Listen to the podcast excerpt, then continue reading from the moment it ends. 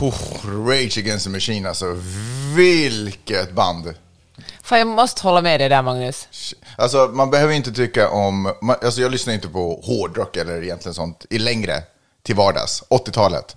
Jag lämnade det, med, jag slutade när Twisted Sister slutade, ungefär där. Så, så är jag. Men det är någonting med Rage Against the Machine som gör att jag med jämna mellanrum kommer tillbaka och bara lever ute. Men vad är det med Rage Against the Machine? För det är så precis känner jag också. Jag har aldrig gillat någon som helst hårdrock, men uh, Rage Against the Machine har också en speciell plats i mitt Ja, hjärta. men vet du vad? De connectar med känslor. Därför att de pratar ju också om eh, riktiga saker. Det är ju inte bara så här hårda gitarrer och tuff musik och djävulen och det är balt och offra... Och det är ballt. Ja, men Så typ- sa man när det Ja, var... men exakt, och offra eh, fladdermöss. Utan det handlar ju liksom, det är ju ett politiskt, eh, ett politiskt band liksom. Så bara om, du vet, jag tittar ju på omslaget till eh, deras eh, kanske populäraste skiva, som heter typ Rage Against the Machine kanske, 92 kom den ut. Eh, och då är det den här tibetanska munken som eh, bränner sig själv eh, till döds. Var någonstans? I Kina antar jag förresten när jag tänker efter.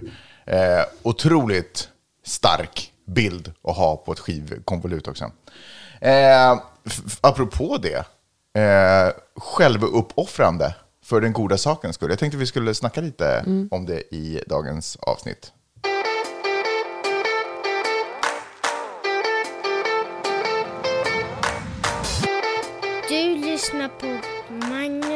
Peppes podcast.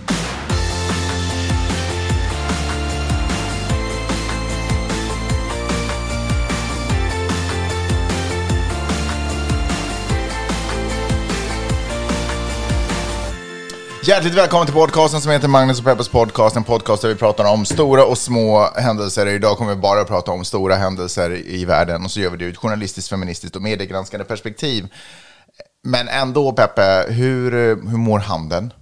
Tack, det var bra. Jag Mm, tog bort gipset på torsdagen. Du, du, du jobbar hårdare nu än eh, på en, en tid. Ja, alltså... Dina båda händer är aktiva numera. Så kan man Ja, säga. du har aktiverat den andra handen. Ja, jag gjorde det. Ja, den, precis. Bra. Eh, så nu skrivs det för brinnande livet. Eh, Skri- ja. Nej men gud, jag höll på att avslöja en grej som jag inte får avslöja, som jag håller på att skriva på. Jaha, oj, varför får du inte avslöja den? Men jag tror att det... Skriver du sådana saker som man inte får avslöja? Ja. Jag var jättenära att göra det, men... äh, Vadå, är det ett filmmanus eller vadå? Varför? men herregud, Magnus, det kan, du är också involverad i det, så... Jag Ja,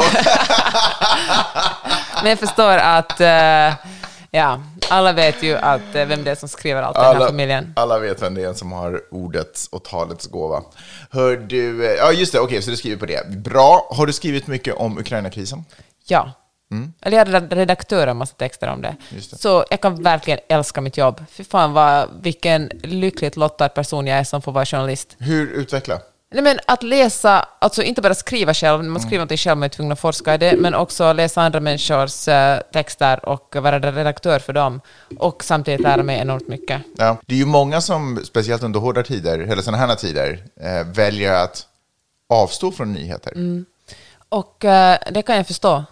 Alltså, Mm. Men och, det, det är roligt att du känner dig tacksam att du får in, alltså, Ja. in, ja, att det är Men- en del av ditt jobb att verkligen ta till dig allt. Eller så Ja, mycket du för det är ju det. Men alltså här, alltså jag förstår att om man har ett jobb där man inte är journalist, eller ett jobb eller inte liksom på något sätt direkt... Ja, men jag förstår att det är jobbigt att fylla med nyheterna. Mm. Och speciellt jobbigt är tror jag att om man vanligtvis inte har så jättebra koll och så kommer det bara jättemånga rub- rubriker och bilder på liksom bombade hus och pansarvagnar som rullar in i en stad. Och jag förstår att det ger en ångest. Och jag tänker att om man, ska, om man känner att man vill, är intresserad av nyheter ska man inte börja följa med breaking news nu, utan då ska man istället börja med att eh, backa lite och försöka förstå varför händer det här nu. Hur långt ska man backa? Ska man ta tag i sina gamla historieböcker från eh, gymnasiet? Eller vad Ja, men göra? varför inte? Man kan ju börja, man går in på vad vi vet och läsa om vad har hänt i Ryssland sedan eh, Sovjetunionen föll. Och vad vi vet finns på Instagram, vad vi vet. Ja, Finns det där och det finns också som vadvivet.se?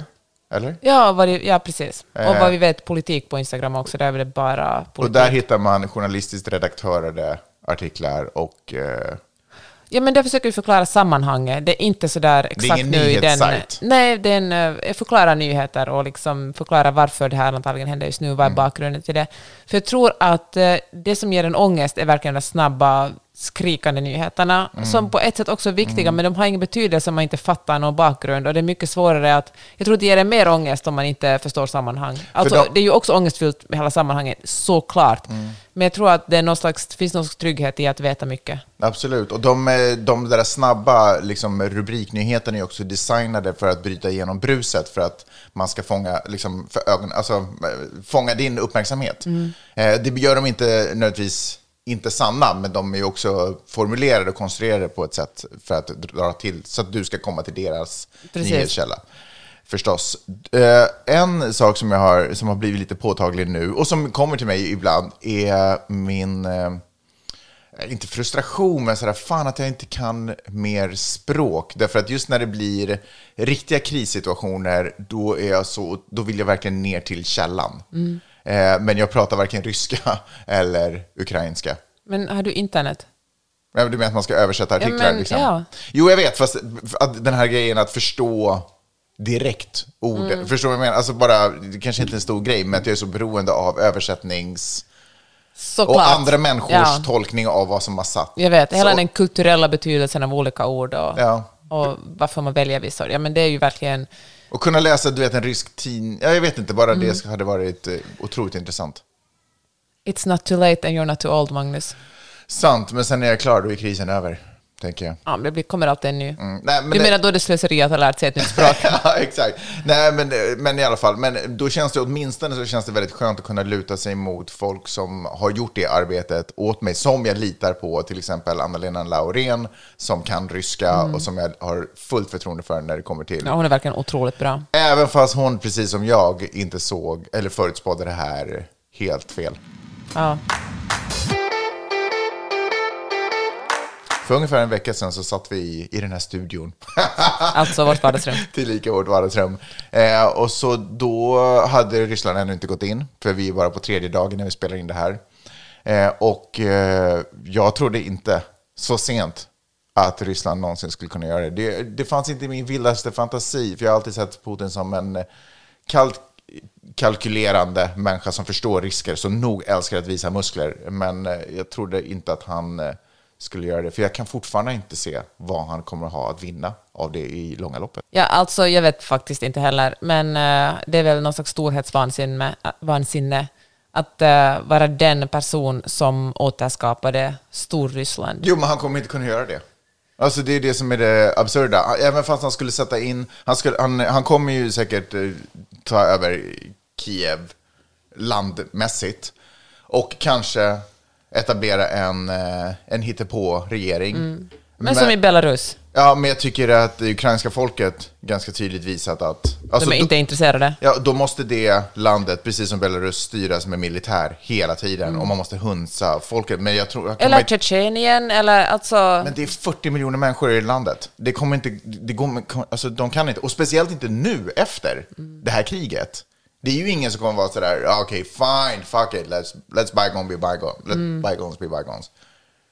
Det går, alltså det, det är ju en, eh, ja, eller så var det en missbedömning. Kanske han tänkte att landet skulle vara så här, okej, fuck, vi vill inte ha krig, okej, vi lägger oss, vad, vad kan vi göra? Allt, ja. Orsaken till att han gjorde det var när Zelenskyj, alltså nuvarande presidenten, blev vald. Han sa ju så här att eh, det här, när 2019 blev han vald, och det var ett tal där han sa att om, eh, om Ukraina kan visa sig som en demokrati, om vi kan ha en demokratiskt vald president, vi kan vända oss mot väst, så, vi, så är det möjligt för alla andra för detta Sovjetländer att också få frihet och demokrati. Och eh, jag tror att det här har verkligen varit en nagel i ögat hos Putin sedan dess. Vilket är sjukt, för han styr inte Sovjetunionen. Han är Nej. inte dess president. Alltså han är Rysslands president. En egen nation i en del av ett gammalt Sovjetunionen. Ja. Men Flera stora ledare inom Sovjetunionen har ju haft ukrainskt ursprung. Alltså så Ryssland är ju inte liksom på något sätt definitionen av Sovjet, Sovjetunionen. Det är bara det största landet inom det. Nej men ja, alltså jag kan inte argumentera emot dig. Och det är fruktansvärt. Alltså, jag tycker också det är så fruktansvärt att följa med Zelensky på sociala medier för att eh, han är ju otroligt aktiv. Han uppdaterar ju både Twitter och Instagram nästan varje timme. Och, eh, och går man i panik, och han är ju verkligen någon som Ryssland vill ha ihjäl. Också för att han är en sån symbol. Alltså han har ju Han är ju en hjälte i resten av världen. Kan man ha ihjäl en sån stark symbol? Eller gör man en symbol ännu starkare då? Jag är det bättre att eh, fängsla ja och, ja. och låta eh, ruttna i fängelse, så att säga? Nej, jag tror de ska ha ihjäl honom. Jag tror att det blir det ultimata sättet för Putin att visa att han ska krossa Ukraina. Men jag tycker också det finns Mm. Då någonting... tänker jag att då blir det ju väldigt svårt att styra ett Ukraina utan militär och liksom oppression i framtiden. Om man, har, om man dessutom har dödat deras, som nu kommer bli en nationalhjälte. Ja, men han är ju också den som motiverar liksom, Ukraina att kriga. Det är han som gör att folk...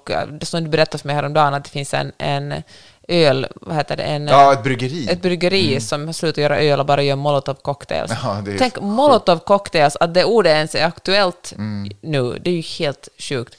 Och ja, men, jag, alltså, men jag tror att att ha dödat honom tror jag man också, det är liksom ett, då knäcker man en stor del av motståndet. Jag tror det också blir revansch, men jag, men jag tror liksom att, det, att många orkar kämpa och kriga för att, han, för att de, deras unga president som är före detta liksom, känd från TV, Mm. Liksom David Sundin i, i Ukraina. Eh, jag eh, har ju sällan rätt, har det visat sig. Men jag tänker ändå att det är starkare för Ryssland att, eh, att ukrainska folket ser sin president vara sådär, okej, vi har varit förhandlingsbordet, jag tror att det här är den bästa vägen, jag vill att mitt folk ställer sig bakom det här. Ja. Tänker jag. Men å andra sidan, jag tänker också att det bästa är för båda länderna om Ryssland inte hade gått in i Ukraina också. Ja, faktiskt. Så, uh, I don't know man. Men alltså Ryssland är ju in a world of hurt. De, de kommer inte, alltså jag förstår nu att Ukraina är ju de som är in a world of hurt, obviously. Men på lång sikt så är det så... Alltså han har ju försökt, ska, om, om hans ambition är att skapa ett Sovjetunionen så har han ju raserat väldigt mycket på vägen dit. Ja. Ja, men alltså Putin hör till den generationen som tror att allt ska ske med våld. Alltså, och det har han ju klar, alltså han har gjort det ganska långt. Han, han har ju, eh, alltså Georgien, menar Belarus, han, eh, det har ju gått någorlunda bra hittills. Sen tror jag att han trodde det skulle gå lite enklare. Och delar av uh, Ukraina också tidigare utan att egentligen någon Ja, sa men någonting. precis, alltså Krimhalvön som Mm. de bara marscherar in. Nej, det är... Men, det, men jag tycker också att det finns... Det, som jag ville komma till när jag sa Zelenskyj, att man ser honom i, liksom, prata på, skriva upp det Twitter och prata på Instagram, att han... Eh, kanske finns på TikTok, det finns väl på TikTok också, att när man ser på något sätt... Det är någon slags underhållning som är så jävla allvar att det aldrig har varit mer allvar. Hur menar du? Men att vi följer med honom och, och kommer det att sluta med att han dör, att det plötsligt en dag inte längre kommer uppdateringar. Det finns något otroligt makabert att, att sitta och, och titta på det. Ja. Nej, det är verklighet. Det är, för vi är så vana att titta på det och det är i underhåll, och det på riktigt är underhållning, Ja. man följer och det är spännande. Så den här, den, gränsen blir, det blir liksom en, nästan en kognitiv dissonans, att jag tittar på underhållning på samma sätt som jag nu ser verkligheten och allvaret. Ah, fy vad jag hoppas han klarar sig. Alltså, det är så... Är det det du känner dig mest orolig för? Liksom, Nej, nej, verkligen inte. Alltså, jag känner mig orolig över hela situationen. Jag tycker att jag blir jag liksom pendlar mellan att... Eh, alltså, du vet den där, det är ett filmklipp som visas överallt när så här, ryska pansarvagnar rullar in. Mm. Det klippet ger mig sån ångest. Alltså, det ger mig verkligen... Jag, jag får liksom lust att gråta varje gång jag ser Mm. det. Jag tycker det är så fruktansvärt. Och sen på något hoppar jag in i rollen som journalist och tar någon slags professionell distans och försöker skriva om, om vad som händer och liksom Putins bakgrund och varför uh, världsläget ser ut som det gör och försöka förstå att varför världen fortfarande... Man säger det är ekonomiska sanktioner, men då fortsätter vi köpa olja av Ryssland som tjänar liksom miljarder varje dag. Och alltså gas, det, alltså energi. Ja. Ja. Och det finns så många, och då, det på något sätt, för mig blir det liksom det journalistiska rummet ett sätt att på något sätt andas ut och vila lite. Och sen ploppar privatpersonen fram igen när jag ser någonting på TV eller sociala medier som ger mig, alltså får nästan panik, jag tycker det är så hemskt. Så där är situationen. Eh, Alla vet, alla kan titta på nyheter. Det, det finns ingen poäng med att vi sitter och rabblar vad läget är, för när det här ändå hörs, när ni lyssnar på det här så är det säkert inaktuellt ändå. Men eh, jag skulle vilja prata om eh, hatet Okej. eh, som eh, jag känner inombords. Och, alltså, jag, jag, det, är som, det är så många saker som, går ju, som, eh, som bubblar inom mig. Det ena är att eh, jag jobbade på eh, alltså, YLE, finska rundradion, public service i, i Helsingfors. Och de har ett enormt ljudarkiv till sitt förfogande förstås, från radiosändningar ge- så länge rundradion har funnits. Och jag, det enda, eh, sådär, jag lyckades eh, få tag på, eller lyckades, um, fan ska jag säga, jag lyckades få tag på ett ljudklipp från när Ryssland anfaller Finland. För först, när, de, när det flyger in bombplan, när Ryssland går in, eller Sovjetunionen, förlåt, när Sovjetunionen går in i, i Finland. Och det, för det sändes ju förstås på radio live när det hände. Och det absurda är att det finska har, har förstörts, det finns inte längre. Så det enda som finns bevarat är den svenska sändningen. Så, vilket var fantastiskt för mig, för jag fick ju höra det då och kunde förstå alltihopa. Och bara det, och det är någonting, du vet, man sätter på sig hörlurar, som också är någonting till att podcast är så starkt media och, och sådär. Men för när man sätter på sig hörlurar och hör den där, ja, vi kan nu meddela att, du vet, den här gamla rösten och hur allting låter. Eh, att, och så hör man dem säga att det är nu bekräftat att ryska, eh, sovjetiska eh, bombflygplan har flygit över gränsen och bombat vad det var någon stad eller någonting. Och det är det var absurt redan då, för det, det kastas tillbaka till en tid jag aldrig fick uppleva, men som jag på något sätt ändå kunde då få uppleva.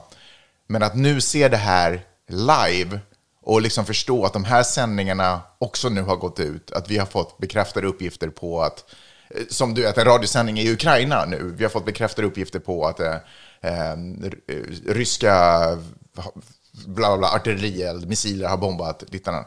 Hur absurt det måste vara att sitta och höra det när man ena stunden tänkte att det här är bara en sjuk upptrappning, det här är bara liksom mm. muskler som ska visas, de försöker skrämma bort oss från NATO, whatever eh, logisk, rationell förklaring som fanns då, till att höra att nej, de, kommer, de går in i vårt land. Nu måste vi liksom fatta beslut om vi ska fly och, och, och så här. Och så börjar, och sen så går det en tid och eh, nu måste Eh, föräldrar lämnar ifrån sig sina barn vid gränsen, alltså framförallt män som har blivit beordrade att stanna kvar och slåss för Ukraina, måste lämna ifrån sig sina barn vid gränsen. Förhoppningsvis finns det kanske en mamma som kan ta vidare, men också historier om när de lämnar till bara främlingar. Snälla, ta hand om mina barn under tiden. Jag måste tillbaka in i landet. Alltså det är så... Det, kast, det och så slängs, slängs det återigen tillbaka till historien där mina mor och farföräldrar har fått vara med och uppleva kriget och många andras historier vars barn också har lämnats över till Sverige som krigsbarn. Ja, men alltså, vet jag, undrar om det här stämmer, men 70 000 barn från Finland skickades till mm. Sverige. Alltså 70 ensamma. 000, ja. Och det är liksom treåringar. Tänk dig Miley, hon är två år äldre än vad som skulle skickats iväg. Det är så... Eh, och, och, och, det som hände då under Finland förstås var att allt sånt här skapar ju sår. Och eh, och ilska och, och bröder dör i kriget för idiotmänniskors maktbegär eh, och så. Så det har ju skapat ett hat eh, och en, en eh, misstro liksom, till grannlandet som levde kvar otroligt länge. En av de, liksom, det var en av de saker som min mormor alltid återkom till. Att lita aldrig på ryssen. Nej, och, det bör, och det började alltid låta omodernt i mina öron. Därför att Naturligtvis så handlar det inte om att sådär, det ryska, en rysk människa, den ryska befolkningen, men samtidigt så dras de ju med i samma soppa som deras ledare. Eh, och, och den här totala misstron som liksom höll typ och höll på att dö ut. Och nu känner jag hur, åtminst, liksom, åtminstone hur den generationens hat och misstro liksom lite bubblar tillbaka till mig. De, jag hör, liksom, det ekar hennes röst i mitt huvud. Jag tycker det är viktigt att man verkligen skiljer på nu den ryska presidenten och ryska ledningen och ryssarna. det finns ju... Men det är ju alltid ledningen man pratar om. Det ja, inte, liksom... men jag liksom- tänker att det är extra viktigt att, att särskilja de här nu, för det finns ju samtidigt enormt många ryssar som med risk för att hamna i fängelse demonstrerar mot kriget. Absolut. Alltså det, det kommer det, liksom det alltid finnas, 100%. olagligt att göra det. Och tusentals sitter Samtidigt fängslade. så finns det ju också massor som står bakom Putin. Alltså, så jag menar att jag ska fatta ett beslut om jag tycker om en rysse eller inte. Det är ja, liksom inte... Men det är irrelevant. Det är jag menar bara att jag tycker att det är viktigt att kommunicera det här, för jag känner att de som verkligen demonstrerar mot Putin mm. och det val han har gjort i och med att gå in i Ukraina, de behöver ju också stöd. Alltså de behöver ju det lilla, om de har liksom möjlighet att se vad som händer i västvärlden och hur man rapporterar om det här, vilket snart säkert är praktiskt taget omöjligt. Putin mm. har ju stängt ner liksom, sociala medier i, i Ryssland. Det är väldigt svårt. Kanske, jag vet inte hur det går om man har en VPN. Hur som helst. Så, men behöver de ju förstå att uh, folk ser att kanske kraften, att de ser att, liksom, att europeer och amerikaner och liksom andra människor om i världen är på deras sida, alltså, mm. och fattar att ni unga människor som demonstrerar i Sankt Petersburg, vi, eh, vi hejar på er, vi förstår att ni inte är Putin. Och jag tror att, just för att återkomma till det här hatet, för en annan sak som jag också har liksom tampats med är, och det är det här eviga, man bryr sig om det här, men alla strider som pågår i andra delar av jorden, var, varför, jag inte, varför jag inte är lika upprörd och lika engagerad i det. Och det här är mycket närmare. Alltså, det är så det är. Alla, alla krig är ju förstås fruktansvärda och allting där makt går ut över Liksom, nej men vad fan, Fast det är alltid civ, civilbefolkning. Närhetsprincipen heter det i journalistik Ja. och det är därför som man skriver hej, du, Absolut. här bor eh, Ja. Vladimir i, i Ekenäs. Vladimir, vad tycker du om kriget? Ja.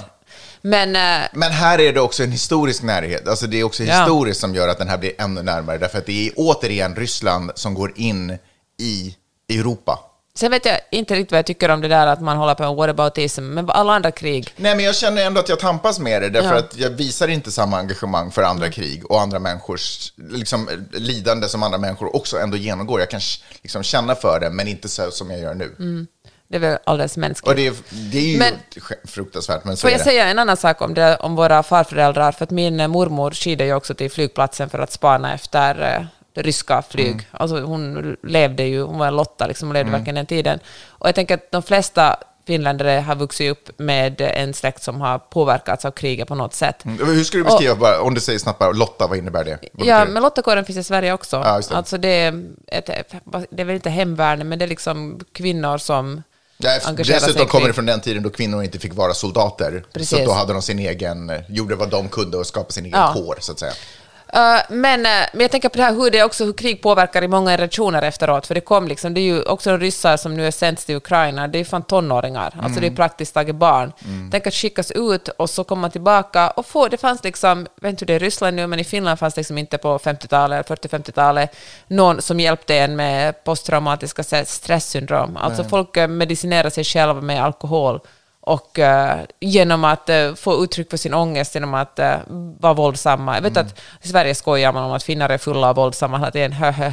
Men ett, alltså, en stor del av det handlar ju om att Finland är ett väldigt... Alltså, generationer är traumatiserade efter kriget. Kom, såklart. alltså, man förlorar någon i kriget, det kommer folk hem liksom, med liksom, psykisk ohälsa och, eh, och så, och så det liksom handlar inte bara om den generationen som skickas ut i krig utan det går ner flera generationer efter det. Mm. Alltså ett land formas efter att ha varit i krig trots att det kan ha gått 50 år sedan det kriget. Men jag tycker att det, är- det är liksom en obehaglig känsla att det där fröet av misstro, eller det var ju inte, alltså, jo, egentligen som mina mor och farföräldrar sådde i mig, nu har fått vatten att blomma ut. Liksom, Och föraktet och hatet gentemot den nationens ledning. Som, och den nationen verkar alltid tydligen misslyckas med sitt ledarskap. Eller åtminstone med jämna mellanrum. Ja. Är det någon slags eh, liksom, Och- och helt ärligt, respektlöshet för människor? Eh, verkligen. Eh, så, ehm, ja. Jag, jag är, vet du vad, alltså jag har, jag, kom, alltså jag har, jag, fan, jag säger det. Jag har, jag har googlat hur man kan eh, ta värv, alltså hur man kan gå dit och kriga. Tagit reda på hur man skulle kunna göra. Åka till Ukraina? Åka till och, Ukraina och, men tyvärr men så. hur gör man det då? Alltså, ehm, det så här, Kiev Independent hade skrivit om man, hur man kan hjälpa till. Och det verkar inte vara, dessutom är jag kanske lite för gammal. Nu har de ju förlängt det, eller för, liksom höjt den gränsen till 60 år. På gränsen? Fan också. Men, men det var upp till 40 nyss. Men, på gränsen. Men, eh, eh, ja, men man måste ju åka dit och signa upp. Man måste åka in i Kiev och gå till en militär förläggning och, och skriva in sig. Hur tar enkelt. man sig dit ens? Ja, det vet fan, jag antar att genom Polen. Och så, jag har ingen aning. Ja, nej, för att jag... Men får jag säga en sak om att göra någonting? För jag tror att många känner sig sådär hjälplösa och eh, liksom att känna sig som att, ja, men hjälplösa och ångestfulla och hjälplösa. Och då finns det ju saker man kan göra, speciellt om man... Eh, Nej, men egentligen vad som helst. Man kan ge, donera pengar till Unicef eller Läkarmissionen eller Rädda Barnen. I Sverige vet jag att Naturkompaniet samlar ihop uh, kläder, alltså tjocka jackor och skor och vad man har. Om man har någonting kan man gå dit i alla butiker och bara donera en sån sak. Alltså, och, och det gör man såklart för att hjälpa andra människor, men jag tror att det är bra för ens eh, här, mentala hälsa att eh, göra någonting och känna att man kanske bidrar pyttelite, men man bidrar i alla fall till någonting gott. Ja, Eh, jag tycker det är så fruktansvärt. Det är också liksom en, en det är ju inte bara liksom Ryssland som går in i Ukraina. Det som eh, liksom också är så tungt är att det är en diktatur som går in i ett demokratiskt land. Ett land som har ambitionen att liksom växa sig ännu större och inflytelserik som en demokrati. Eh, som de bara försöker kväs, som de, vill, som de kväser. Liksom, jag tycker det är... Alltså, du vet, man lever i villfarelsen av att världen har stabiliserat sig, att alla de här eh, eh, empire, vad fan är det på svenska? Eh, alltså de här ambitionerna om att imperier. imperier och stora riken, att det, är liksom, att det tillhör det förflutna. Att det var Fast det något, stämmer ju inte alls. Kolla på Kina, liksom, Jo, som. Hongkong och Taiwan. Och, men det, Precis, men för- exakt, men, men jo, jag vet. Och det är 100% samma sak. Men det är ändå inte samma sak, för det är en gammal konflikt som inte var löst. Den här var löst, liksom. Mm. Det är bara han, det är bara Putin som blåser liv i den igen, för att han upplever att hans företrädare inte gjorde ett bra jobb. Fast vet du vad, alltså världen under de senaste åren har blivit mindre demokratisk. Det är Mm. fler stater som har backat i demokrati, varav USA är en av dem. Alltså efter Jo, Donald Trump, absolut. så det finns, och det är ingenting som är och säger på magkänsla, utan det finns organisationer som räknar, räknar eh, yttrandefrihet, pressfrihet och, och liksom demokratisk frihet. Och eh, världen är generellt en mindre demokratisk plats nu än för fem år sedan. Absolut, men det finns ändå nationer där demokratin är ganska stabil och många av de nationerna finns i Europa. Eh, det, ingen, det råder ingen tvekan om att demokrati är ett, någonting som vi inte kommer ändra på i Sverige. Vi vill ha demokrati. Och i Finland, vi vill ha demokrati. Frankrike, eh, Tyskland. Förstår du vad jag ja, menar? Att stora, stor, ja. Ja, klart. Men jag tänker att Frankrike till exempel har haft problem med högerextrem... Det finns ju högerextrema ledare överallt. Alltså Mm. Ungern är ju blir mindre demokratiskt. Där stänger man ner vissa institutioner på på, eh, alltså, som, som lär ut till exempel då genusteorier, för man tycker Mm. att, att kvinnor och män inte ska vara lika värda. Polen, hela polska public service, det är ju ingen oberoende, utan Nej, det är liksom en, en, en att megafon lite- för staten. Så jag menar, det finns ju... Nej, nej. Alltså Europa, det beror på hur man räknar Europa. Kanske Putin räknade med allt det här. Han ser vilka krafter som, är, Ja. som har stor, stark, starka positioner i Europa och i världen och tänkte att världen är för självupptagen för att egentligen bry sig om det här just nu. Jag måste faktiskt säga att jag är förvånad över att Polen liksom skickar militärkraft till, eh, alltså, eller i form av vapen och alltihopa till Ukraina. Just med tanke på att de har en sån högervåg där. Men ja, till och alltså verkligen, men det är ju också Viktor Orbán är ju också, fördömer ju också det här. Erdogan i Turkiet fördömer det. Ja, alltså många men- så antidemokratiska ledare fördömer ju det. Absolut, men de hade lätt kunnat ta positionen att vi tänker inte uttala oss, det här är inte vår business.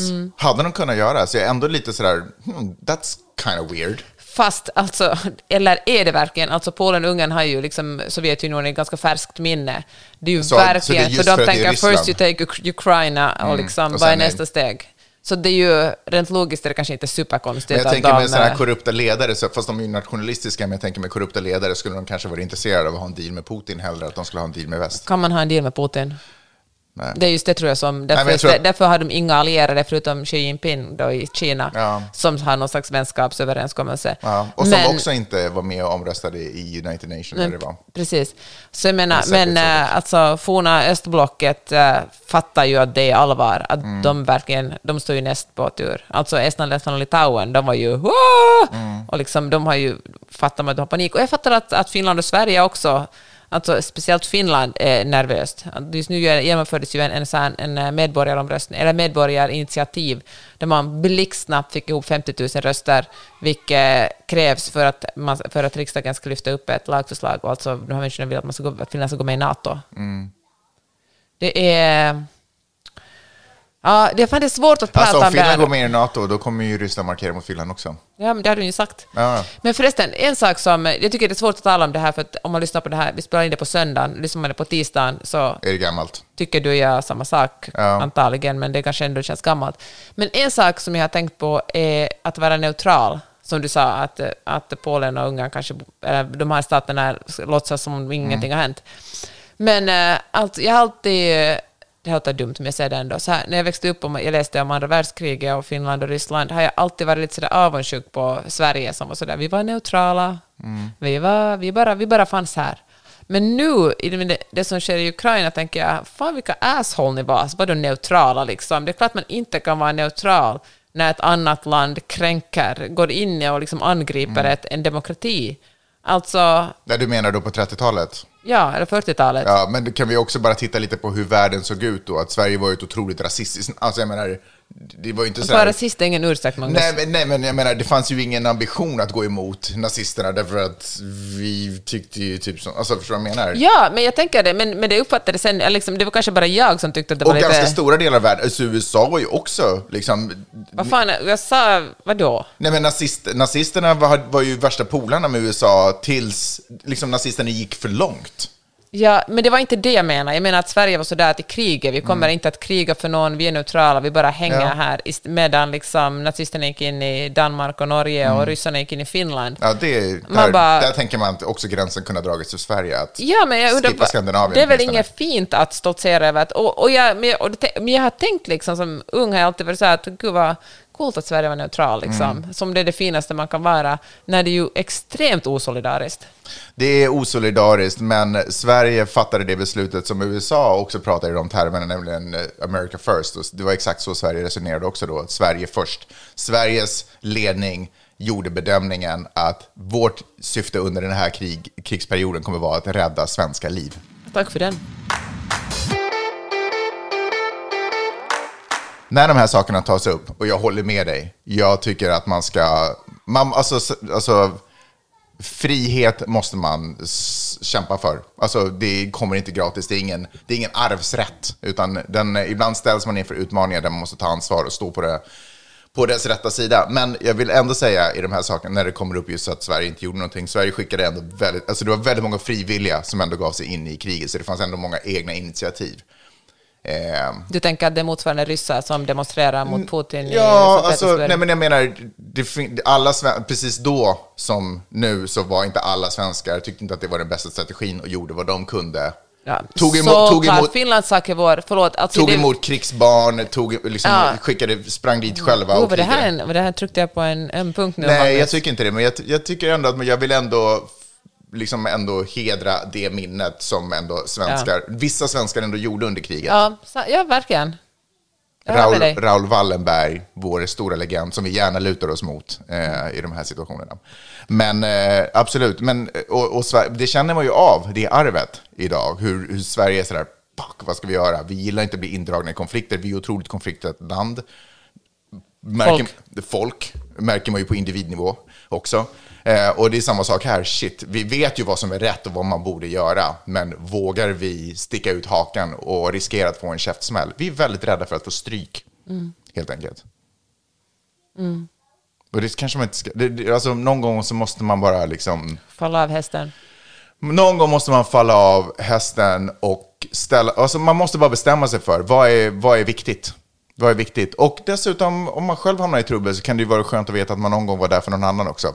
För jag tänker att om man själv hamnar i trubbel och man inte har gjort någonting tidigare så kanske andra nationer inte är så benägna att... Sant, men man ska aldrig göra det för att man räknar med... Alltså, det måste jag... Nu talar vi liksom om, om utrikespolitik och krig, men eh, det är faktiskt du som sa det här till mig en gång när jag höll på att jobba som chefredaktör för papper och eh, de här gubbarna på Hufvudstadsbladet bråkade med mig.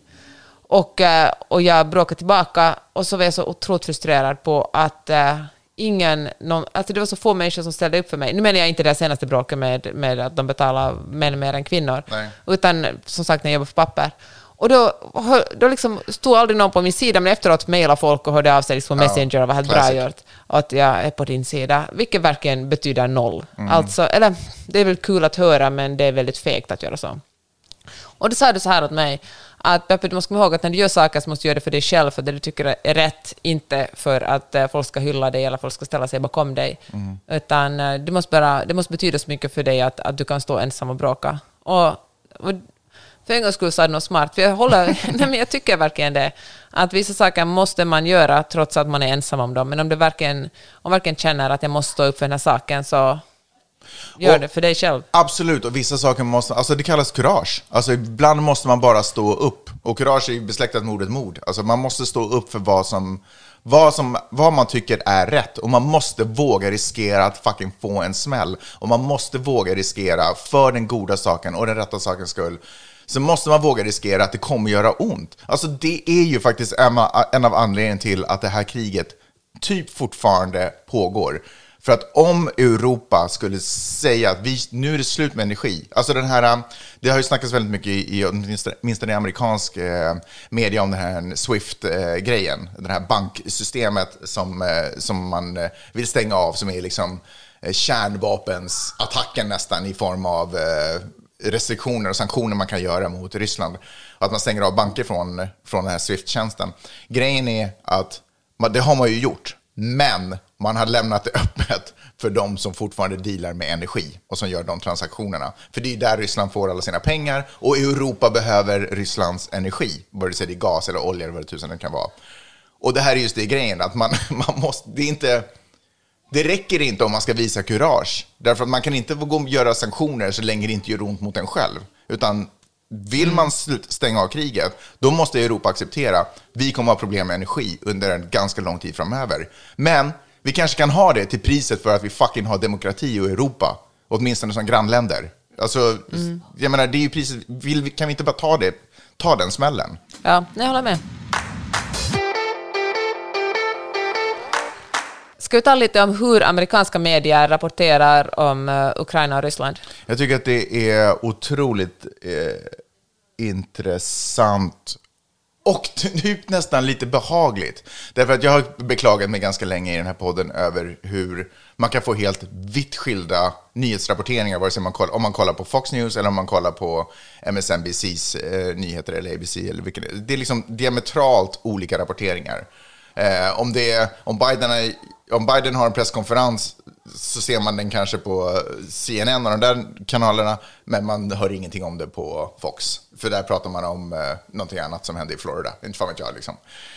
Nu är ju nyhetsrapporteringen väldigt, eh, vad, skulle, vad skulle ordet vara här? Inte linjär, men att den är, den är rik, väldigt eh, riktad. Liksom. Synkroniserad. Synkroniserad. Eh, nu när jag slår mellan kanalerna så får jag, åtminstone, åtminstone så har alla nyhetskanaler eh, godkänt, för mig känns det som att de har godkänt för vad som händer just nu. Vi har på något sätt en gemensam grund. Sen kan de fortfarande rapportera lite om det på olika sätt, eller snarare rättare sagt så här, att när de lyfter upp vad är problem och, lös problem och lösningar, när de diskuterar det med experter, så kanske det kan vara lite olika vinklar. Men åtminstone så kan vi nu vara enade om vad som är vad det är som pågår. Mm, Tidigare var det som att när en stor nyhet hände så var det bara på en del av nyhetskanalerna. Då var det som att nu har jag inte ens en common ground för vad som är verkligheten. Liksom. Hör du, kommer det här kriget att vara Trumps eh, fall? Alltså jag fattar att det är hans fall redan eftersom han förlorade valet, men liksom han funderar ju på att ställa upp, eller han kommer säkert ställa upp. Nej, det, fan, det vet jag verkligen inte. Nej, det vet vi inte. Tills ganska nyligen hade jag sagt att han kommer göra det, men, men precis, nu vet Nej, jag han har inte. faktiskt aldrig sagt att han kommer göra Nej, det. men jag hade sagt Ja. att han skulle gjort det. Eh, om jag hade fått gissa, och alla vet att jag gissar alltid fel, så vi vet att han inte skulle ställa upp. Det som eh, Trump har, sa ju ganska tidigt i konflikten att han var, eller då i, samta, sam, i samband med att Putin eh, deklarerade de här eh, ockuperade områden som självständiga stater, eh, så gick Trump ut och sa, eller så hade han sagt i någon radiointervju och liknande, att han var väldigt imponerad av Putin. Putin är ett geni. Ja. Putin är ett geni, att det där var ett genidrag liksom. Eh, och det har ju också Fox lyft upp som sådär, det här är lite problematiskt. Alltså verkligen sagt dem, inte sådär antytt lite mellan raderna, utan verkligen sagt att det här är problematiskt. Och det tycker jag är sjukt intressant, att det är Alltså, Fox News vill jag ändå säga är inte huvudsakligen det här stora Trump-maskineriet. Granted att de ganska ofta har experter som, eh, som presenterar republikanska och konservativa värderingar. Eh, men deras nyheter som sådana, också granted med tanke på vilka val de har gjort av nyheter, men deras nyhetsrapportering är inte så liksom Det är inte så mycket propaganda. Det är inte den propagandamaskin som man kanske skulle kunna tro om man inte tittar på den. Däremot deras opinion pieces med um, Tucker Carlson. Fucker Carlson och, och Sean Hannity. Sean Hannibal. Laura Ingraham. Ja, de är ju liksom direkt sända av djävulen. Alltså direkt rapportering till honom efter varenda sändning. Fan vad intressant, alltså Tucker Carlson han har ju verkligen också gått ut och hyllat Putin. Och uh, han, uh, jag tänkte på en sak som jag inte har tänkt på förut, att han ställer bara frågor. Och det är ju, alltså han ställer frågor. Kan det vara så här att? Mm. Kan det vara så här att? Och det är ju ett jättebra sätt att uh, komma undan med vad som helst. Ja. Om man säger att jag, bara, jag ställer bara en fråga, kanske kan det vara så att Putin är ett geni? Kan det vara så att vi ska stödja Ryssland istället för att stödja Ukraina? Ryssland har aldrig sagt någonting rasistiskt om oss. Ryssland har alltid varit vår vän. Ja. Men ehm, jag tänker också på det, vi, i presidentvalet var ju när Fox uh, News gick ut och sa att Joe Biden har vunnit valet, mm. då tänkte man ju och, och pratades nästan en vecka efter det om att är det nu Fox tar avstånd från Trump? Att uh, han har ju också, Trump satt ju med och ringde in till deras morningshower och liksom, han, var ju en, han skapar ju väldigt bra publik för, för Fox News. Alltså, mm. folk, deras, alltså, de har ju otroligt bra tittarsiffror jämfört med de andra kanalerna. Och, uh, sen, men sen blev allt som vanligt. Sen var, fick Trump vara med igen. Mm. Sen kom uh, The Insurrection, alltså de här uh, terroristerna attackera Kapitolium. Och då kom det också en stund när Fox News var sådär att vi tar avstånd från det här och man tänkte okej, okay, Alltså Fox News förstår att det här är ingen person som gillar demokrati eller journalistik, vi måste avstå från honom. Sen blir allt som vanligt. Mm. Är det nu tredje gången gilt, eller kommer det också att blåsa över som alla andra gånger? Nej, men till saken hör ju att man kan ju också notera att Trump inte säger något mer. Han har inte egentligen, okej, okay, han sa väl någonting på CPAC, men hans retorik handlar nu mer om att om jag hade varit president så mm. hade Ryssland aldrig gått in i Ukraina. Och det kan man whatever, det vet ju ingen. Alltså, det vet man inte. Ja. Men eh, egentligen så kan man anta, för jag tror, inte, jag tror att Putin kallt räknar med att USA, Trump inte skulle göra ett skit åt det. Såklart han inte skulle. Nej, precis. Så det kan man väl nästan utgå från att Putin skulle göra. Men eh, så det är väl egentligen det enda han mer säger om det. Mycket annat säger han ju inte. Och det man också märker ganska tydligt att republikaner är ganska mot, eller uttalar sig väldigt starkt mot eh, kriget och fördömer och och tycker kritiken är också där Biden borde göra mer. Eh, mm, Biden, Biden är en svag president. Biden är svag, han borde gjort mer och tidigare förstås eh, och, och, och, allt det. Eh, och säger de någonting om Trump så är det just det att Trump är typ den enda presidenten som inte har startat ett krig eller varit i krig mm. eller någonting sånt där. Att han ändå liksom är en fredspresident. Kan, att han kan förhindra de här sakerna med sina goda relationer och alltihopa. Men jag känner ändå, alltså det är ändå en skillnad i retoriken. Men jag tror att Trumps räddning kan vara att hålla käften nu, inte säga så hemskt mycket mer. Eh, han har ju de facto aldrig fördömt. Jo, vänta, det har han faktiskt gjort under CPAC. Han sa att det är en... Eh, att det är, en atrocity. atrocity ja. eh, men om han inte säger något mer nu, eh, kriget eh, ebbar ut, kanske till och med tar slut på ett eller annat sätt och en ny världsordning råder, eller vad tusen den kan hända, då kan han sen i retroperspektiv igen lyfta upp argumenten för att det skulle aldrig hänt om jag hade varit president. Tänker jag. Mm. Jag tror att han kan hitta tillbaka till sin väljarkrets. Problemet är att precis som jag känner så är ju väldigt många amerikaner har ju också den här instinktiva the fuck Ryssland? Alltså Sovjetunionen och obviously Sovjetunionen och USA, gamla liksom... Eh, ärkefiender. Ärkefiender från, ja, ja ni vet. Ni kan historien bättre än vad jag kan. Eh, så så det, där finns också väldigt mycket känslomässigt kapital att, att spinna på om man vill eh, ägga upp amerikanska folket gentemot mm. Ryssland. Eh, så den är, det är svårt för, alltså Tucker Carlson hade ju när Ryssland gick in ett ögonblick... Fan, vet du vad? Eh, vi, vi, kan lyssna på det. Jag tror att jag har ett, ett klipp här faktiskt. Så här sa Tucker Carlson. Eh, precis innan Ryssland gick in i Ukraina. I don't know, I have to say. So why does permanent Washington hate him so much?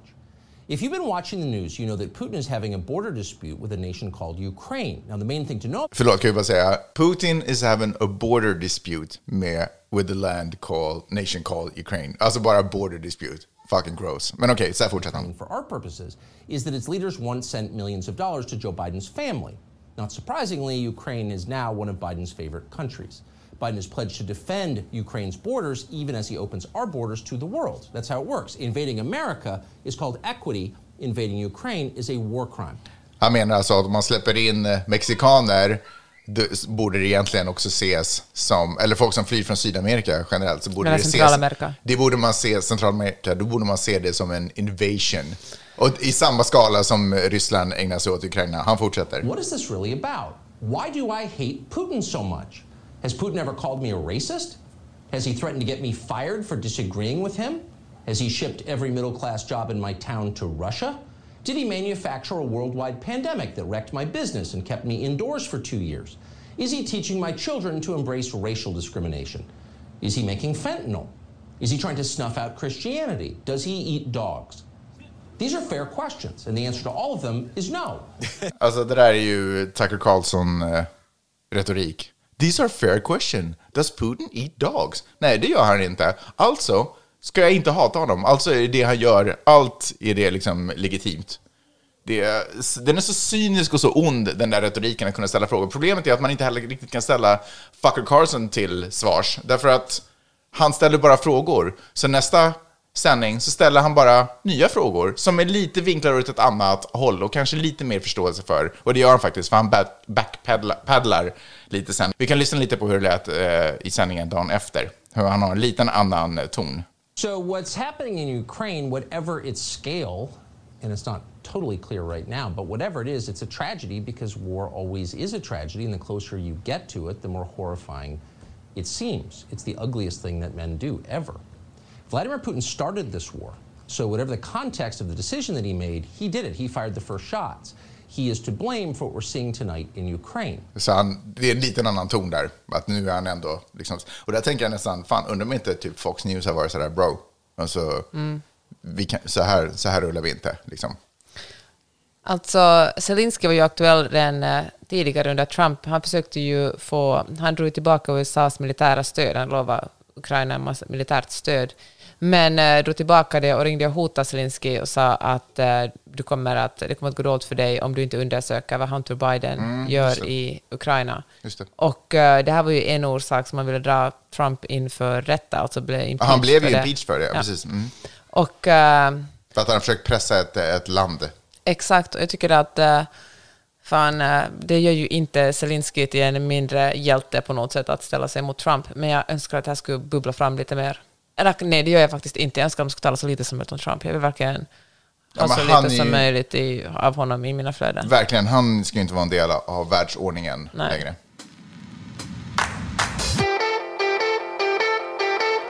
Kan ju bara säga några saker innan vi slutar. Ja. Att hur man ska ta an sig det här. För jag tror på riktigt att det är många som känner enorm ångest. Och, och liksom, speciellt om man bor i Finland och Sverige och, och Ryssland känns väldigt nära. Så då tänker jag så här att eh, det är ingens plikt, eller det är inte din plikt som lyssnar på det här, att ta in nyheter varje timme. Alltså det är okej att inte göra det. Läs nyheterna på morgonen eller titta på nyheterna på morgonen och eh, ja, det är okej. Alltså händer någonting dramatiskt kommer du få veta det annars också. Men liksom, det är inte din uppgift att, att ha ständig koll.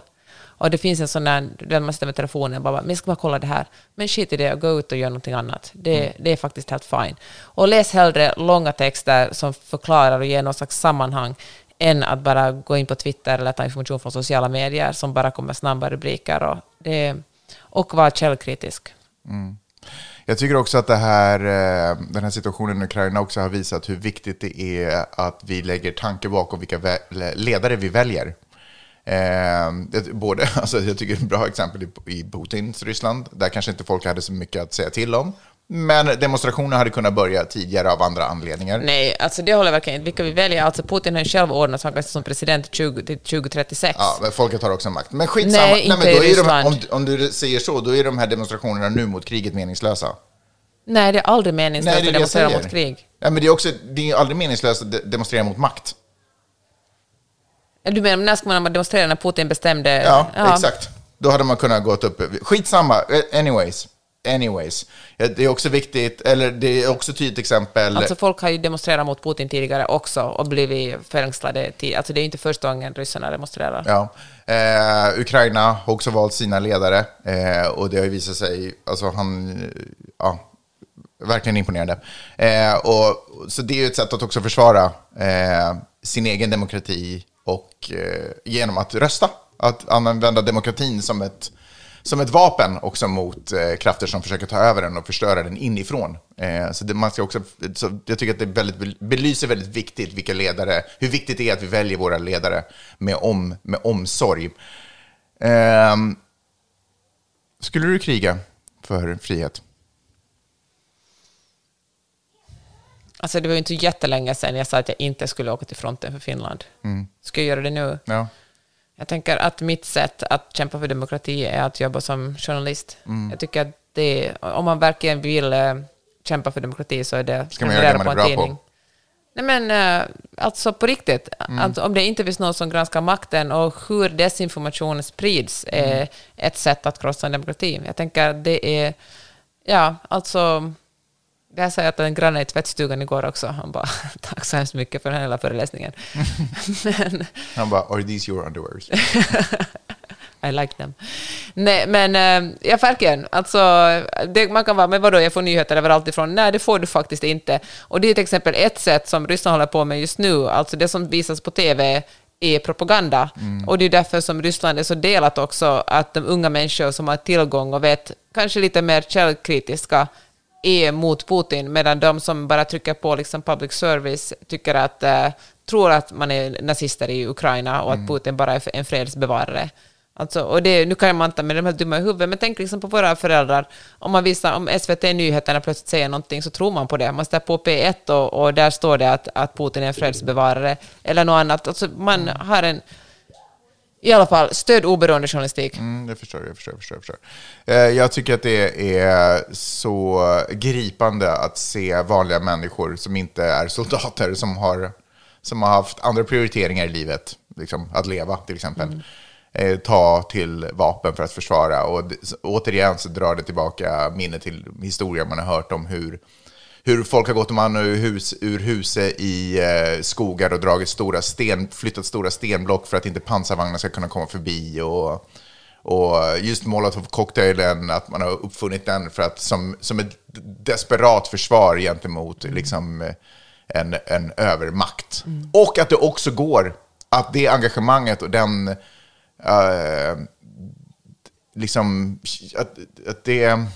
Fan ska jag, jag hittar inte ens ordet. Men att det, den, den, den glöden, att den elden inom en också kan få en mindre makt att stå emot en, eh, en helt klart överlägsen militärmakt. Jag tycker att det är, det är så gripande. Det är så otroligt sorgligt. Det är så sjukt jävla sorgligt. Anyways. Ukrainas sak är vår. Ja, men alltså fan frihet, det är vår sak. Det är liksom, det, det heter frihet, men det är inte gratis. Men eh, fan, det blir konstigt att tala om frihet mest i USA, för jag tycker också att USA har fått frihet ganska mycket om bakfoten. Ja, men 100 procent. Absolut. För alltså många amerikaner är i frihet att inte betala skatt. Liksom. Såklart. Men eh, det, där står inte jag. Jag har... Det, Ska vi tala ja, betyder, om demokrati då? Ja, okej, fine. Demokrati och frihet. Ja, whatever. Anyways, anyways, anyways, anyways. Ehm, Det var allt vi hade för den här gången. ja, det var inte så roligt avsnitt, men Nej. det är inte så roligt just nu. Vi hörs om en vecka. Det gör vi. Ta hand om er. Ta hand om er. Hej, hej! Hej.